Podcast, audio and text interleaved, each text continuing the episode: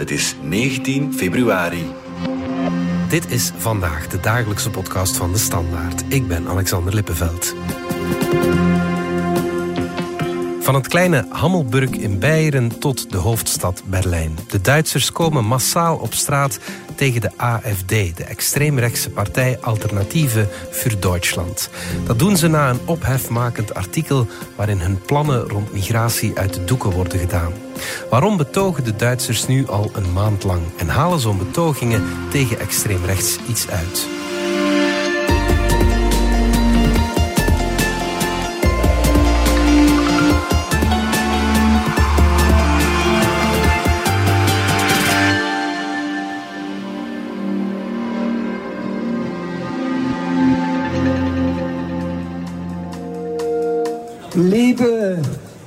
Demokratinnen, liebe Demokraten, liebe Hammelburgerinnen und lieber Herr Gosens, ist er schon da? Er hat sich angekündigt. Er kommt vom The Standard. Wir haben also hier internationale Presse auch da. Ruud Goossens, jij volgt eh, de Duitse politiek eh, voor onze krant. Je komt net terug uit een dorpje, Hammelburg. Ik had er nog nooit van gehoord, maar u werd er wel hartelijk verwelkomd. Absoluut. Ja. Uh, ja, het is een klein, ik had er eigenlijk ook nog nooit van gehoord. Het is een klein dorpje op een uur of twee van uh, Frankfurt in het noorden van Beieren. -hmm. Waar men ook, zoals op heel veel plekken de afgelopen weken, erop stond om te demonstreren tegen extreem rechts ja. en tegen de AFD, Alternatieve für Duitsland, de extreemrechtse partij in Duitsland. En dan zie je daar plots in een slaperig provinciestadje ja. 500 mensen op een totaal uitgeregende donderdagavond bij elkaar staan. Ja, oké. Okay. En uh, beland je in een hoorcollege over de democratie. Ja, oké. Okay. Dat is uh, iets wat ze in uh, Hammelburg niet veel uh, meemaken. Nee, maar dan, maar dan, krijg je dus echt zo van die eigenlijk best wel ontroerende speeches. Zo. Iemand die zegt van, ja, wij hebben helemaal geen nieuwe Leitkultur nodig. Wir brauchen keine neue nationale Leitkultur. Wir haben eine Leitkultur, nämlich unser Grundgesetz. We hebben er alleen onze grondwet. En dan begint zo'n dame voor te lezen. Artikel 1 des Grundgesetzes. Artikel 1. Die Würde des Menschen ist unantastbar. De waarde van mensen is onaantastbaar. En dan krijg je een applaus. Of Ja, dan begint ja. iemand uh, Helmut Schmidt te citeren. Mhm, Eine Demokratie, Ja. uh, in der niet gestritten wird, is keine democratie. Ja. Een democratie waarin niet van mening verschild wordt, is geen democratie. Ja, de En- oud uh, Ja, dan krijg je zo op, een, eh, op een pleintje worden er dan wordt er gesproken over de, het belang van een onafhankelijk gerecht. En ah, er wordt ook wel wat gelachen, want er was een bandje dat daartussen ook wat muziek verzorgde en zo. Gegen den Faschismus hier in diesem Land. Auf die Barrikaden, auf die Barrikaden, auf die Barrikaden, auf die Barrikaden. Heute bleiben wir im Bett liegen und ficken für den Weltfrieden. Unsere Liebe ist radikal. En het is niet het enige dorpje waar dit gaande is. eh. Nee, je hebt, eh, die protesten zijn begonnen half in de helft van januari, zo vanaf 10, 11 januari. Köln stellt sich quer! Herzlichen Dank, ich bin stolz auf Köln! na een eh, artikel op een kleine website over een geheime bijeenkomst die er was geweest. En dan zag je echt dat de mensen bijna de straat zijn opgestoven. Echt letterlijk. Dat artikel werd gepubliceerd op 10 januari. En op 11 januari zag je demonstraties in Mainz, in Darmstadt, in Berlijn, in Potsdam, waar het zich allemaal had afgespeeld. En dan is er een soort kettingreactie ontstaan. Dat weekend dat volgde, dat van 13, 14 januari, had je een bijeenkomst in Berlijn, waar dan plots, zonder dat er veel voorbereidingen waren getroffen, 25.000 mensen op straat stonden. Oké. En dan, ja, dan neemt, nemen andere mensen het stokje over. Had je in het weekend daarop echt massademonstraties. In Berlijn stonden er meer dan 300.000 mensen. Maar ja. ook in Hamburg, in München. Ja, Het laatste weekend van januari waren er op 180 plekken in Duitsland betogingen. Mhm. En omdat dat maar bleef duren, ja, dachten wij dus, ja, misschien moeten we er toch ook wel eens naartoe gaan. En dus ben ik een paar dagen naar plekjes zoals Hammelburg gegaan, niet in de grote steden, om eens te zien wie staat daar nu eigenlijk. Ja, ja, ja, want ze protesteren tegen AFD, Alternatieve voor Duitsland, de extreemrechtse partij daar. Kan je eens duiden ja, wat voor een partij dat is? Absoluut. Die partij is opgericht een tiental jaar geleden.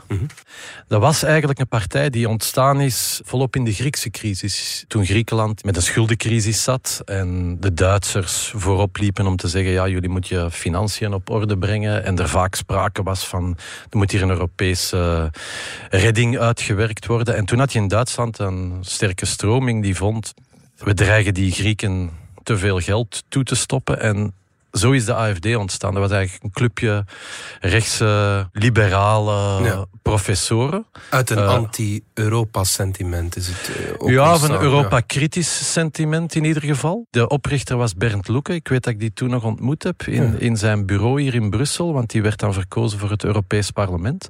Een eh, super burgerlijke figuur en, en zeer eh, kritisch voor Europa, maar helemaal geen eh, extreemrechtse figuur.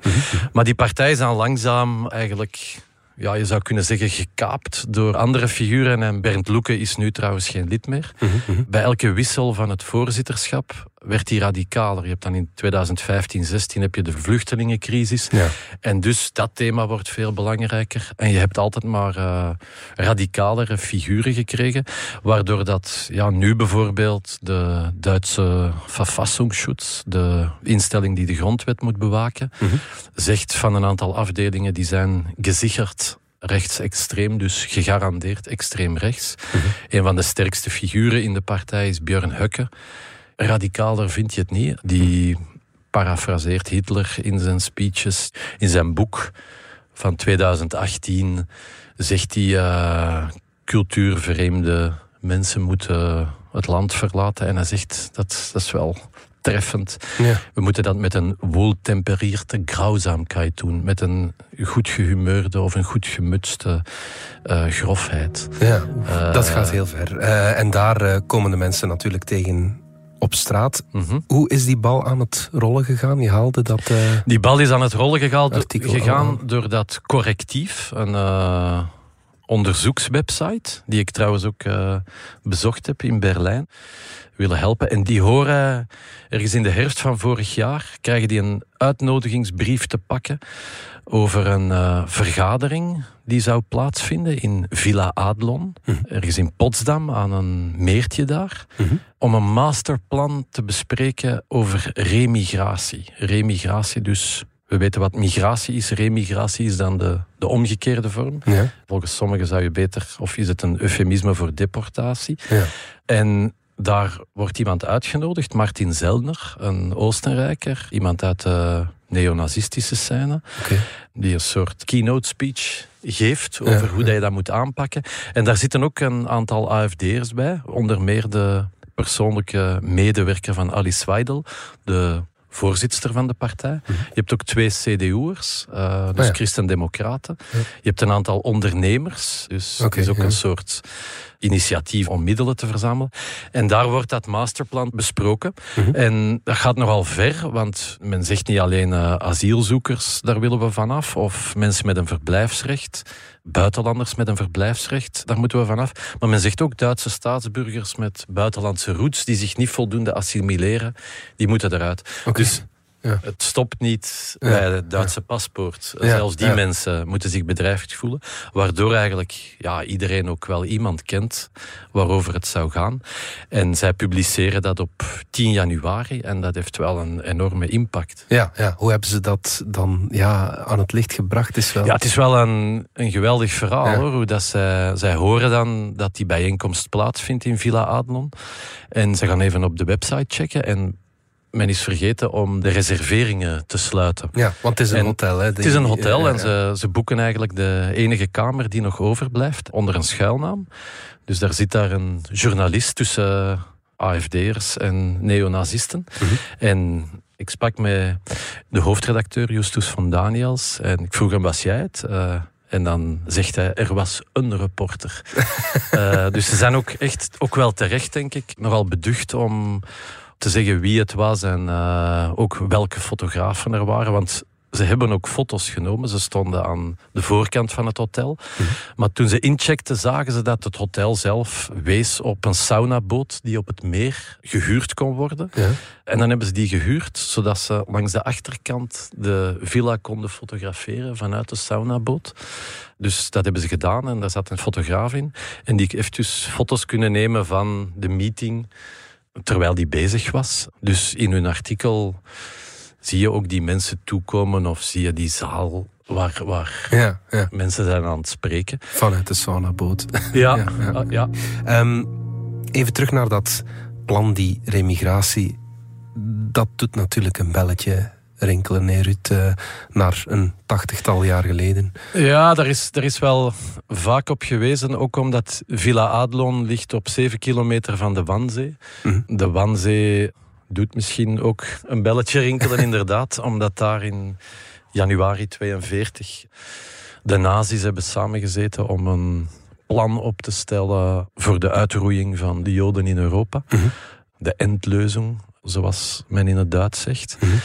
Dus het is wel heel gek dat je dan eh, zeven kilometer verder, ook aan het Lenitzmeer, gaat samenzitten, ook in zo'n villa, om iets in elkaar te steken dat daar toch wel een beetje op lijkt. En ja, mensen zeggen dat ook. Als je mensen aanspreekt op die betogingen, dan hebben ze het over Potsdam 2. Ja, oké. Potsdam 1 is dan eh, wat er in 42, 1942 is gebeurd. En zo is natuurlijk, dat is niet zo gek in Duitsland, is die Tweede Wereldoorlog. Ja, als je rondkijkt naar de slogans die mensen meedragen, is ook wel alomtegenwoordig. Het Ja. is eh, vijf voor 1933. Mhm, Ehm, Nieuw Wieder zal er ook wel tussen zitten. Absoluut, Ja. niet wie er is Ja. jetzt. Ja. Dus nooit meer is nu. Ja. Dat is heel aanwezig. Als je met oudere mensen praat, zo zeventigers, dan zeggen ze ook van... eh, ja, wij willen niet dat onze kinderen moeten meemaken wat onze ouders hebben meegemaakt.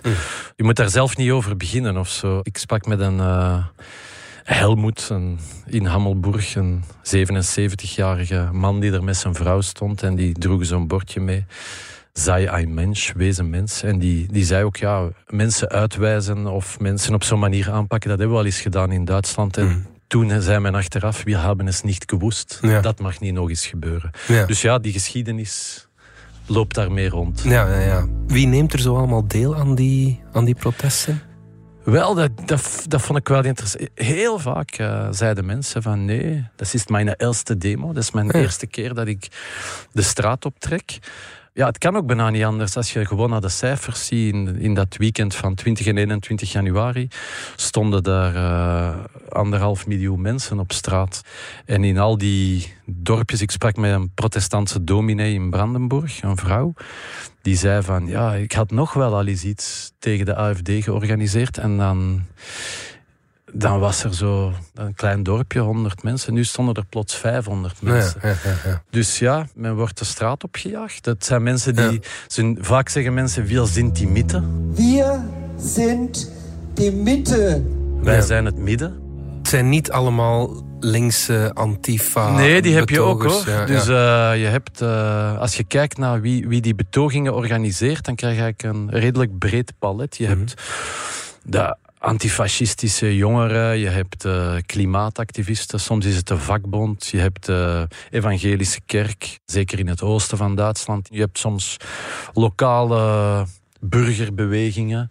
Mhm. Soms is het eh, individueel iemand die zegt... eh, Ja. ik zie dat in mijn geboortestadje. Zie ik ook wel zo'n dingen gebeuren. Ja. Ik zet iets op Twitter of op Facebook of op Instagram. Zondag betoging. En daar stond dan Ja. in dit geval in Loekenwalde stonden er 500 mensen op straat. Dus je kan niet zo zeggen van eh, dit zijn allemaal eh, stedelijke goedmenschen of dit zijn allemaal linkse activisten. Het is net iets complexer. Ook omdat die beweging gesteund wordt door bijvoorbeeld de voorzitters van de CDU en van CSU. Hebben gezegd dat ze dat burgerlijk engagement steunen op de afscheidsplechtigheid voor Frans Beckenbauer. De voetballer. eh, ja, we- het voetbalicoon van Ja. Bayern München, zei de ex-voorzitter van Bayern München, Uli Hoeneß, die kantte zich nogal emotioneel tegen de AfD. Aber ich möchte ganz deutlich betonen, dass ich bei diesem Prozess die AfD nicht dabei haben möchte. De topman van de Verfassungsschutz, dus die instelling om de grondwet te bewaken, eh, die heeft ook een interview op de televisie gegeven waarin hij zei van ja, de zwijgende meerderheid moet zich eens uit zijn zetel verheffen. De democratie staat meer onder druk dan dat we eigenlijk denken. En dat heeft die zwijgende meerderheid, of dat is die wel aan het doen. Wat op zich wel interessant is, omdat een van de sterke frames van extreem rechts, trouwens niet alleen in Duitsland, is van ja, wij vertolken wat, wat het volk zegt. Blijkbaar is het ook nog een ander Een volk. ander volk, ja, inderdaad. Ja. Straks kijken we naar wat die protesten nu kunnen uithalen, maar eerst gaan we er even uit voor reclame.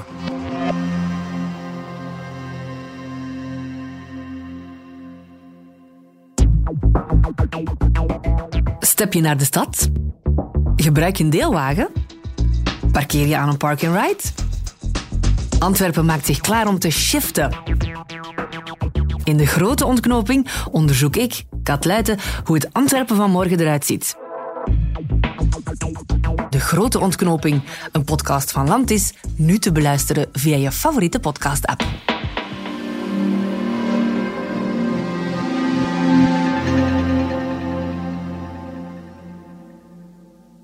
Ruud, wat betekent dit nu voor de AFD? Haalt dit iets uit, die protesten?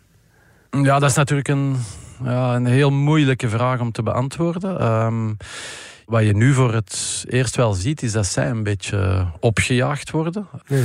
Je zag ook dat Marine Le Pen, de sterke vrouw van het Rassemblement National in Frankrijk en de sterke vrouw van extreem of radicaal rechts in Europa, die was er ook helemaal niet mee opgezet en die even sprak van misschien moeten we die samenwerking die dat we hebben met de AFD toch eens opnieuw gaan bekijken. Trouwens een opvallend verschil met Tom van Grieken die hier zei van ja, much ado about nothing. Ah, ja. Ja, dat vond Le Pen niet. Ja. Hm. En je ziet ook wel nu voor het eerst sinds lange tijd dat de AFD, die de afgelopen jaren de tweede partij was geworden, is de grootste partij in de peilingen, is de CDU-CSU, dus de Christen-Democraten.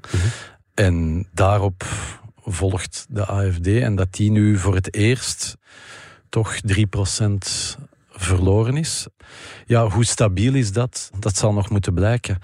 Maar veel mensen met wie ik op straat sprak, zeiden ook, ja, misschien moet je het ook niet alleen afmeten aan de volgende verkiezingsuitslag van de AFD. Ja, het doet ons deugd dat we hier eens op straat staan en dat de wind eens een andere kant op waait. Dat de democratie eens met zoveel woorden verdedigd wordt.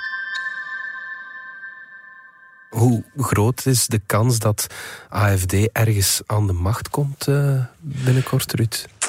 Er staan wel wat verkiezingen op het programma in het komende jaar. Je hebt natuurlijk op 9 juni, net zoals bij ons, verkiezingen voor het Europees Parlement. En dan heb je in het najaar verkiezingen in eh, drie Duitse deelstaten in het oosten van het land. In Sachsen, Brandenburg en Turingen. En dat zijn ook drie deelstaten waar de AFD eigenlijk het sterkste staat. Ah ja, oké. ja. Dat is hun hoogburg, zoals ze dat met een geweldig Duits woord zeggen, hun Ja. bastion. Ja. En in Turingen bijvoorbeeld staan ze op 35 procent. Oef, ja. Dus ja, daar staat wel iets op het spel. Je haalt Vlaams Belang al even aan. Hoe kan je hen vergelijken met AFD? Ze werken samen op Europees vlak met een aantal andere partijen, zoals het Rassemblement National in Frankrijk. Dus er is samenwerking, maar ik denk dat de evolutie die zij hebben doorgemaakt is in zekere zin een spiegelbeeld. De AFD is geradicaliseerd. Het Vlaams Belang heeft probeert salonveger te worden. Ja, ja, ja. Zegt, wij hebben een, onze winkel wat opgekuist. eh, of onze etalage wat opgekuist. Dus zij proberen zich in de markt te zetten als een iets gematigdere partij. Anderzijds, ja, ze werken wel samen. Ze hebben natuurlijk ook heel vergaande Mhm. ideeën als het over migratie gaat. Mhm. En zij hebben zich ook niet geweldig druk gemaakt over wat er in Villa Adlon gebeurd is. Nee, nee, nee. Ja. Dus ja, er zijn verschillen, Ja, maar, maar- ze werken wel samen. Ja. Wij staan ook op een punt waar Vlaams Belang ja, eh, de Mhm. grootste partij wordt op alle vlakken. Alles wordt hier, elk parlement of elke gemeenteraad wordt hier gekozen. Dit jaar, bij ons zie je zoiets niet gebeuren. hè. Nee, dat is natuurlijk ook een reden om eens naar daar te gaan. Mhm. Omdat je... Vlaanderen lijkt zich toch een beetje op voorhand al neer te leggen van Ja. bon, dit zit eraan te komen. En je hebt niet echt zo grote burgerbewegingen of protestacties of zo. Ik denk ook omdat als je praat hier met mensen over wat er daar gebeurt, dan zegt men vaak, en niet zo onbegrijpelijk, van ja, dat lijkt zo op een fase die wij al hebben gehad. We hebben in de jaren negentig een Zwarte Zondag gehad. We hebben daarna nog een paar grote overwinningen van het Vlaams Blok en het Vlaams Belang gehad. Mhm. Dat heeft niet gewerkt. Ja, ik, ik zat er wat over na te denken. Dat, dat klopt, maar ook niet helemaal. Mhm. Er zijn inderdaad, eh, bijvoorbeeld na Zwarte Zondag is er een grote betoging in Brussel geweest. 100.000 mensen. Ik herinner mij ook nog in de jaren negentig in studentensteden, in, in Antwerpen bijvoorbeeld, dat je betogingen had tegen het Vlaams Blok. Je hebt ook de 0110-concerten gehad bij de gemeenteraadsverkiezingen van 2006. Maar dat was toch... Dat, dat was toch onvergelijkbaar, omdat dat, dat nooit zo'n... Wat, wat nu in Duitsland gebeurt, is toch wel echt anders, omdat het zo op zoveel plekken En is. zo herhaaldelijk. eh, En dat ja. het blijft Ja. duren, waar natuurlijk meteen een van de gevaren in zit. Want het is natuurlijk niet mogelijk dat dat blijft duren. Nee, ja. Blijft dat een massabeweging? Dat zal niet eenvoudig worden, denk Mm, ik. Nee, nee. Daar loopt heel uiteenlopend volk rond. Ja. En die zijn het natuurlijk niet over alles eens. Mm, ja, ja. Het is wel belangrijk dat je bij die kern blijft. Ja. Het gaat hier over de democratie. Het gaat hier over het gevaar van rechtsextremisme, van het gevaar van mensen systematisch gaan het land uitpesten. Dat soort dingen. Ja, dat zei eh, Justus van Daniels, ook de hoofdredacteur bij Correctief toen je met hem sprak. Ich glaube, dass diese Bewegungen darauf achten müssen, dass sie den, den Kern, den sie am Anfang hatten, den bewahren. Dass man sagt, wir, wir demonstre demonstrieren für eine starke Demokratie. Tot slot, Ruud, zou dat bij ons ook kunnen werken, denk je, zo, zo'n beweging? Ik denk dat het bijna een eh, virtuele vraag is, omdat de kracht volgens mij van wat er in Duitsland gebeurt, en nogmaals, of het daar werkt, zullen we zien, maar de kracht is dat het zo massaal is. Ja. Ik denk dat je daardoor wel een. Dat dat mensen aan het twijfelen kan zetten. Dat mensen die net zijn overgestoken naar de AFD of naar extreem rechts, dat die toch nog eens twee keer gaan nadenken. Ja, dat het ja. ook eh, trouwens ook een aantal partijen die eventueel met extreem rechts zouden willen samenwerken, dat dat hen ook aan het denken zet van stel nu dat we in Turingen, stel nu dat je een CDU'er, een christendemocraat in Turingen bent en je denkt van oké, eh, als ze 35% zouden halen, dan gaan we besturen, dan weet je dat je dit krijgt, maar dan Mhm. niet tegen de AFD, maar tegen, jou. CDU, ja. Ehm, dus in die zin kan het ook mensen aan het denken zetten. Maar het, dat is omdat het massaal is. Eh, ik denk dat dat in Vlaanderen... Ik zie ze althans niet, die massaliteit. Mhm. Maar ja, enige weerbaarheid, enige strijd voor, voor, voor de democratie, voor de dingen die toch wel heel wezenlijk zijn. Ja, misschien dat het daar wel enige inspiratie kan bieden. Ja, ja. Ruud Goossens, dankjewel. Super. Dit was vandaag de dagelijkse podcast van De Standaard. Bedankt voor het luisteren. Volg ons op Spotify, Apple Podcast of eender welk ander podcastplatform. In onze gratis FDS podcast kan je niet alleen ons werk beluisteren, maar ook de beste podcasttips terugvinden. Alle credits van de podcast die je net hoorde vind je op standaard.be-podcast. Reageren kan via podcast.standaard.be.